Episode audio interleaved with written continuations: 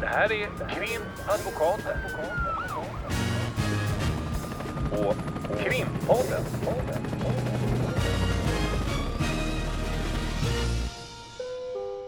Parter och ombud kallas till sal 32. Hej Lotta! Hej Ulrika! Idag är det eh, andra delen i vår samtalsserie. En vanlig dag på jobbet. Och idag så ska vi samtala med eh, Mia Edvall Insulander. Som är? Hon är generalsekreterare för Advokatsamfundet. Så det som vi pratade om när vi introducerade den här samtalsserien om att vi vill eh, belysa rättsväsendets olika delar och de aktörer som är inom rättsväsendet i den här samtalsserien. Idag är det då, om man ska säga representanten då för för advokaterna, mm. som hon är generalsekreterare för Advokatsamfundet. Dock så, hon är ju tidigare advokat, det kommer man också höra i samtalet. Ja, hon är men, ju fortfarande advokat sa hon, ja, men att hon inte får praktisera. Precis. Så hon är ingen praktiserande advokat, men hon är advokat. Och hon har ju i allra högsta grad varit en praktiserande advokat tidigare inom humanjuridiken, framförallt familjerätten. Och det slår mig när, när eh, vi, vi i, i serien Podden i podden eh, att vi, nu heter den ju inte så, den heter ju en vanlig dag på jobbet, mm. men att eh, ju fler vi pratar med som jobbar inom samma område som vi, det vill säga inom domstolsväsendet, mm. det vill säga domare, åklagare, advokater. Eh, ja, nu är vi hos generalsekreteraren i Advokatsamfundet. Det är så intressant därför att om man jämför då med det kommande valet så är det i media och de politiska utspelen så försöker man hela tiden belysa att det är sån oerhörd skillnad mellan vad man tycker och att man har en massa skarpa förslag och man ska visa musklerna och man ska höja straffen och allt det här som vi mm. läser om hela tiden. Så är det ju intressant eh, att när man sen pratar med de som faktiskt jobbar i den här världen och mm. möter de här personerna, nämligen huvudpersonerna då, eh, mm. klienterna eh, dagligdags så har vi eh, ganska liknande uppfattning. Nu pratar vi ju mer om en vanlig dag på jobbet i den här serien men mm. man märker ju lite i kringpratet överhuvudtaget att att vi har en ganska likartad syn mm. på vad man ska göra åt det här så kallade gängvåldet och hur man ska kanske vara mycket mer fokuserad på tidiga insatser och sådana saker. Det, mm. det är intressant därför att det, för mig är det ganska tydligt att det är egentligen inte en fråga om vänster-höger eller politiskt åt det ena eller andra hållet utan de som jobbar med det här i praktiken har en ganska liknande syn på hur man ska eh, få bukt med problem och hur man ska eh, se på andra människor och bemötandet med andra människor. Verkligen, det är intressant tycker jag för när man är i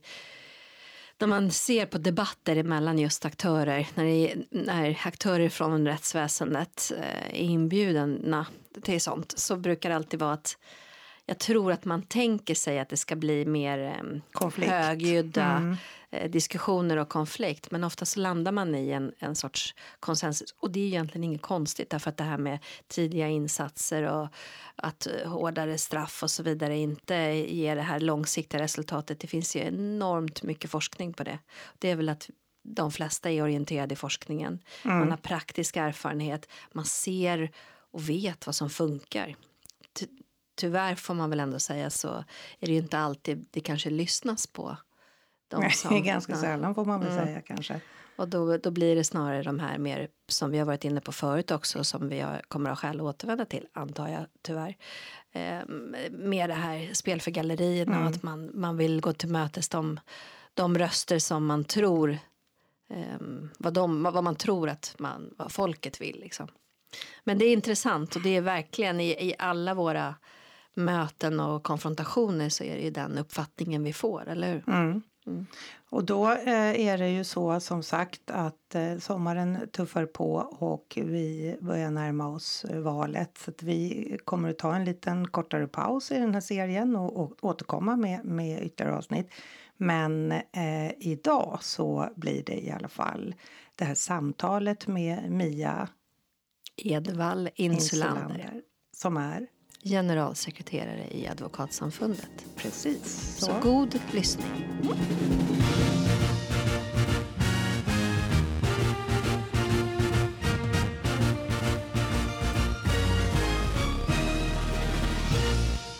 Nu sitter vi här i en fantastisk miljö. Vi är ute på landet och det kommer att uppfattas även av lyssnarna eftersom det faktiskt var nära på att det flög in en fågel här alldeles nyss. Det är ett väldigt idylliskt fågelkvitter runt Precis. omkring oss. Jag hoppas att det kommer med på bandet för det blir lite fint.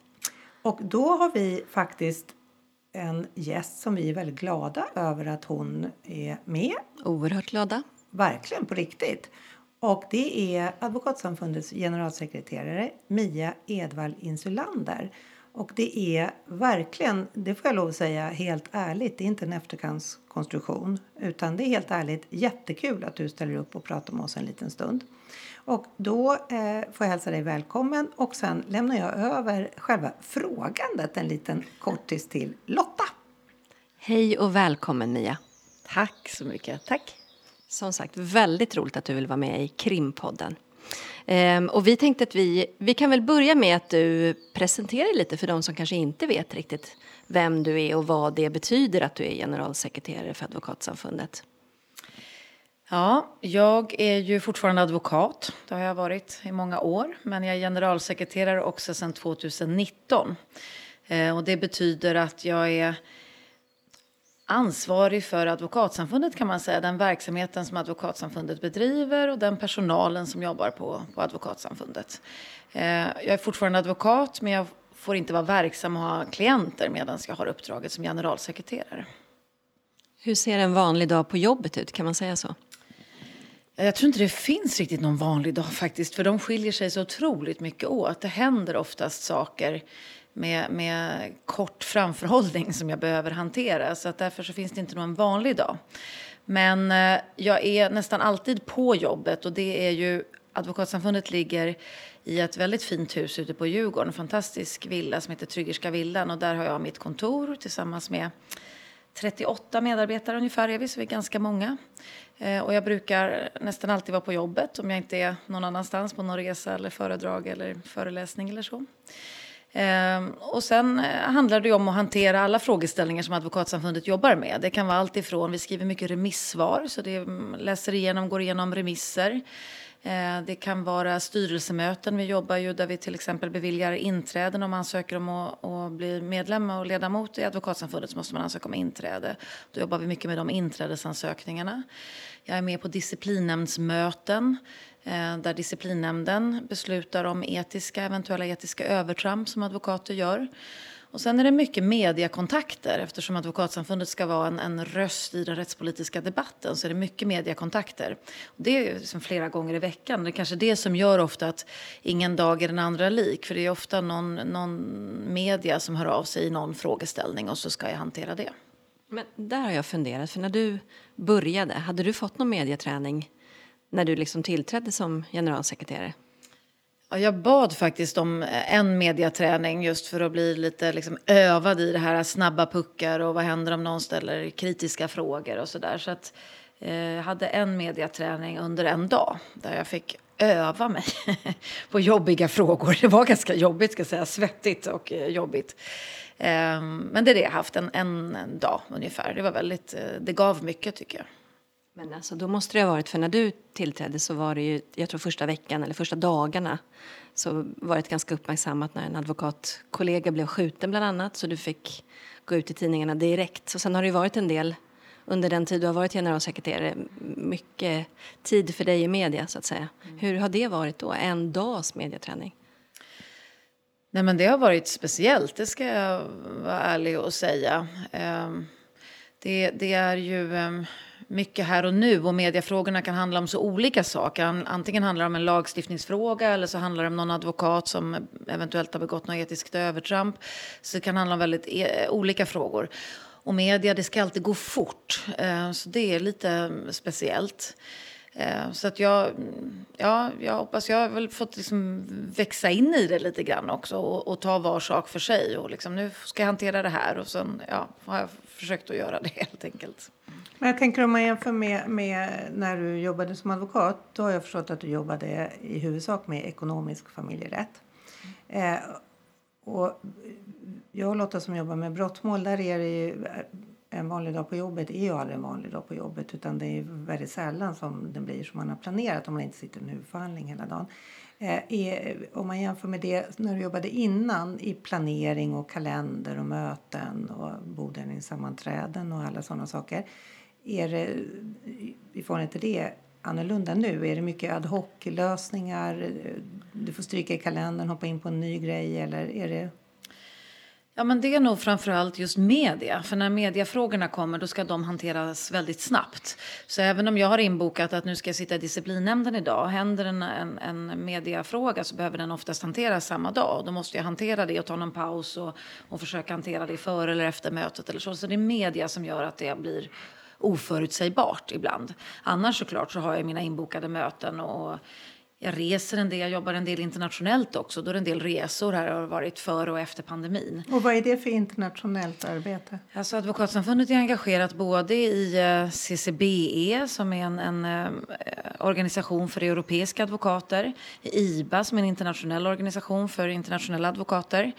Ehm, sen eh, har vi ett nordiskt samarbete med de andra nordiska advokatsamfunden. Så vi träffas regelbundet. Jag träffar de generalsekreterarna i de andra nordiska länderna. Det är jätteintressant. Så det är en del resor också. Och sånt planerar jag ju förstås i, i förväg. Men jag tycker just att i mediekontakterna, det händer ju som sagt oftast snabbt då. Mm.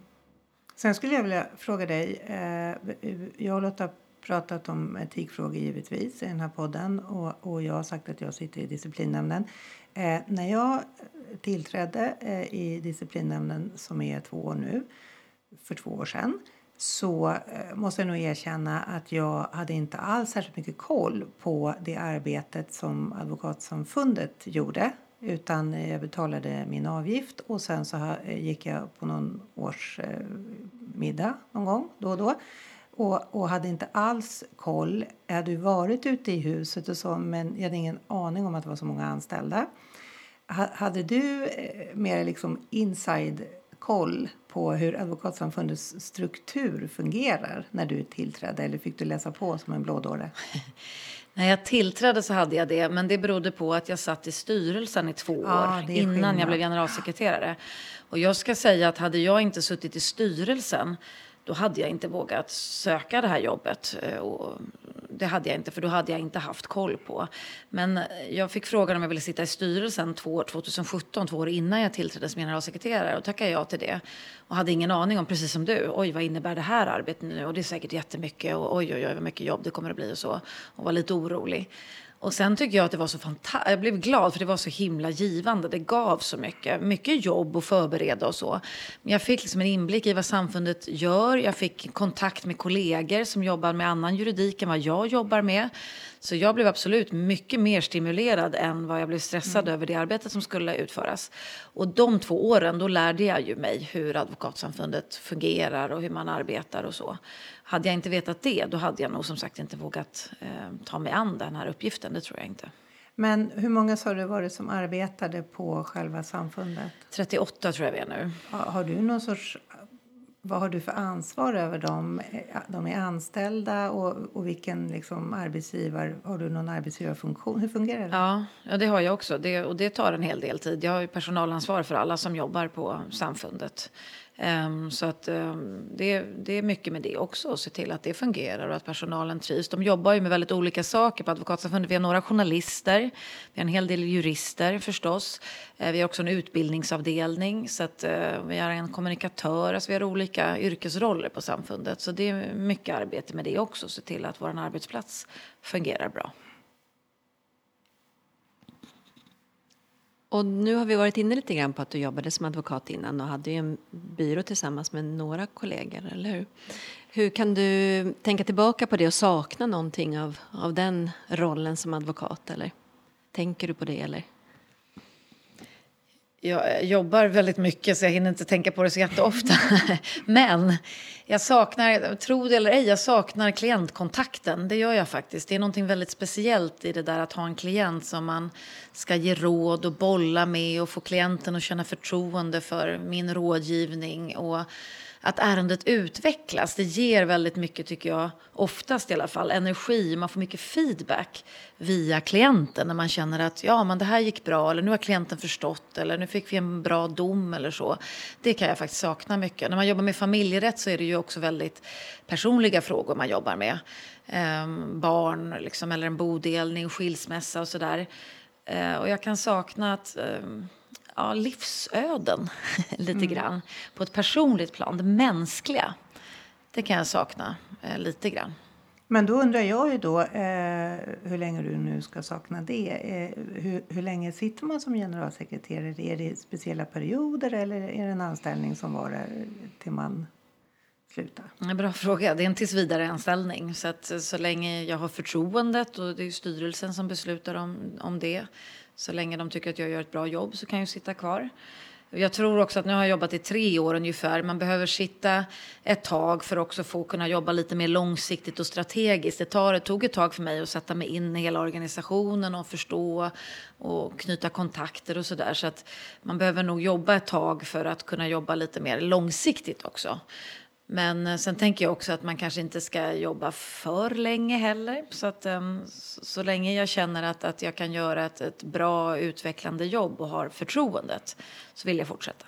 Men jag skulle inte ha något emot att, jobba igen som advokat. Det är absolut inte. Tycker... Är det inte så att du avslutar som generalsekreterare och blir åklagare? Nej, å... bra fråga. Nej, åklagare tror jag att det skulle kunna bli faktiskt. Däremot så tycker jag att jag har träffat mycket domare. Jag sitter där i, med det här uppdraget så följer att sitta i domarnämnden också. Domarnämnden är ju en myndighet som föreslår vilka personer som ska utses som domare till regeringen. Så regeringen som bestämmer. Det arbetet är jättespännande. Jag har fått en väldig inblick i liksom domaryrket. Och där tänkte ibland att ja, det vore nog ganska spännande att vara domare kanske ett tag, eventuellt. Ja, är, det, är det tankar du har haft innan eller har det kommit nu då när du får den här inblicken? Eller har du haft liksom tankar tidigare när du var advokat att ja, men kanske någon sorts vidare utveckling eller man säger, ja. någonting annat? Nej, inte alls. När jag var advokat och tänkte jag att nu är jag advokat och det kommer jag vara resten av livet. Och jag tyckte väldigt mycket om att vara advokat. Jag hade ingen tanke på att jag skulle göra något annat. Jag skulle absolut inte ha tänkt på domaryrket. Men det kommer det är fantastiskt det här jobbet på det sättet att jag får en väldig inblick i dels lagstiftningsfrågor. Jag sitter i flera utredningar, skriver remissvar.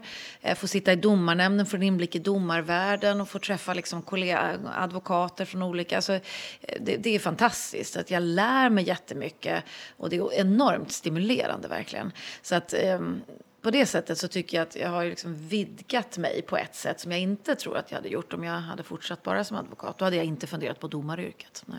Det är intressant när du säger det eftersom det, det är inte så ovanligt så som du har resonerat innan du, du nu hoppade på det här tåget att som advokat så har man ju liksom ingen karriär mer än att man blir advokat och sen ska man bli framgångsrik advokat och sen ska man jobba som advokat och det är många som blir advokat när de är ganska unga mm. och fortsätter att vara det. Och det måste ju, precis som du säger, jag, jag själv kan känna att det är advokat man är och, sen, och, och, hur ska det bli om man skulle satsa på något annat? Det finns liksom inte med.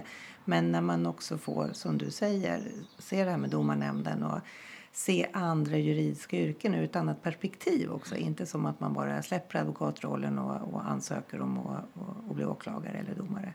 Så man kan göra det på andra sätt också. Det behöver inte vara genom att byta yrke utan man kan som du. Att, att, jag tycker när jag, jag sitter ju med på disciplinnämndens möten även om jag inte är ledamot som du är. Och det har ju varit så enormt givande tycker jag. Man lär sig ju hur mycket som helst på ett sätt som man inte hade gjort. Så man kan ju engagera sig i andra frågor vid sidan av advokatyrket men fortsätta vara advokat. Mm. För jag tycker också att advokatyrket i sig Alltså man utvecklas ju hela tiden som advokat i nya ärenden, nya klienter. Man känner ju, man är ju aldrig klar på något sätt. På det sättet tycker jag advokatyrket är mm. fantastiskt också. Verkligen. Ja, men det är det som är lite skönt tycker jag med det här ja. yrket. Att man inte, man ska inte göra en karriär på mer än att man ska bli duktigare Nej. på det man gör. Exakt. Och man blir ju verkligen mm. duktigare och duktigare på det man gör. En bättre och bättre advokat. Och det är ju så himla stimulerande. Så man måste ju inte byta yrke. Men, så, men det här var ändå en möjlighet för mig att få pröva på något annat och få andra perspektiv. Och det har också verkligen varit väldigt eh, givande och kul. Annars ja. hade jag inte fått vara med i er podd till exempel. Bara, jo, bara en kanske, sån liten detalj. bara, ja. Men jag tycker det låter som när du beskriver en vanlig dag på jobbet eh, så låter det som att du beskriver ett, eh, vaket dygn på jobbet? Är det, det låter som att det är väldigt mycket jobb. Ja, men det är mycket jobb. Jag jobbade mycket som advokat också. Eh, men jag jobbar nästan mer nu. Det gör jag faktiskt. Eh, och det är för att det är många olika frågor liksom ska hanteras. Men, men det är roligt. Jätteroligt. Mm. Vad fint att du ställde upp och eh, kom hit och pratade med oss. Jag tänker att vi ska runda av nu. Så Mia får gå iväg och göra eh, kväll kanske. Mm. Mm? Tack så mycket. Tack så mycket för att du var med. Ja. En sista fråga kanske, någonting om eh, hur du ser på framtiden. I, är det någonting som du funderar på som du kan avslöja i din roll och i... Som jag kan avslöja. Ni med scoop. eh, na, nej, något scoop? Ja, egentligen inte. Jag, jag, tycker alltså det som är så himla viktigt och aktuellt just nu det är ju liksom förtroendet för advokater. Det kan man inte komma ifrån. Och hur viktig advokatetiken är. Det är ju det vi jobbar allra mest med nu och som vi måste fortsätta jobba otroligt liksom fortsatt aktivt med. Att alla advokater verkligen förhåller sig till etiken. För skulle det vara så att vi allmänheten förlorar förtroendet för advokater då finns det risk att advokater inte i förlängningen kan fortsätta arbeta som man gör nu med tystnadsplikten och så som är till för klienterna. Och då, det vore farligt, för det, det, är ju klienterna som blir negativt drabbade av det om de inte kan biträdas av advokater. Så det är faktiskt en, det är verkligen en så otroligt viktig, viktig fråga och angelägen att vi från samfundshåll fortsätter jobba väldigt aktivt med på olika sätt. Ja, det, det är inte, just nu är ju inte det blåser inga ljumma vindar över advokatyrket. Det är väldigt sorgligt och, och jag som har jobbat i många år kan känna att det verkligen är viktigt att att vi nu gemensamt i advokatkollektivet tar vårt gemensamma ansvar och, och också visar, vilket du gör när du blir intervjuad stort sett hela tiden som du blir om de här frågorna, att visa att vi är en del av rättsstaten. Det låter pompöst, men vi är en del av rättsstaten och i förlängningen en del av, av demokratin. Och när det blåser kyliga vindar så är det ju verkligen extra viktigt att vi alla sluter upp. Mm. Ja, och att advokater kan fortsätta liksom arbeta på och vara stolta över sitt arbete och inte bli rädda. Jag har en känsla av när det gäller brottmålsadvokaterna så finns det en viss oro nu för att man blir rädd för att göra fel och hur. Mm. Och det, en rädd advokat är ju inte en bra advokat. Så det är också väldigt viktigt att, att eh, framförallt brottmålsadvokaterna kan liksom fortsätta arbeta och känna sig trygga i hur de utövar sitt yrke för klienternas skull så att man inte blir för ängslig, för det vore inte bra. Men och där har det också hänt mycket med eh, etikutbildningen och att man liksom tar de här frågorna på allvar och visar det och att, mm. att man hjälper till också. Det är jättebra. Ja. När vi arbetar med det på massa olika sätt. Dels har vi föreslagit ett, ett nytt, en lagändring nu om att straffavgiften som man får betala om man begår ett allvarligt etiskt övertramp, att den höjs. Det är en lagändring som ska ske. Sen har vi kurser och utbildningar som Ulrika håller i bland annat i, i um, advokatetik och hur man ska agera som offentlig försvarare. Och sen, ja, vi arbetar på massa sätt liksom, för att förstärka eh, kunskapen om, om etiken och hur viktig den är om man arbetar som brottmålare. Ja, spännande. Tack för ett bra jobb. Och tack ja, för att du var med i podden. Ja. Då, eh, Då, nu ska du få göra kväll. Nu, nu Ulrika var lite för tidig med det, men nu, nu säger jag att nu gör vi kväll. Och skopet är att nu ska du äntligen få göra kväll. Det är skopet. Det är skopet.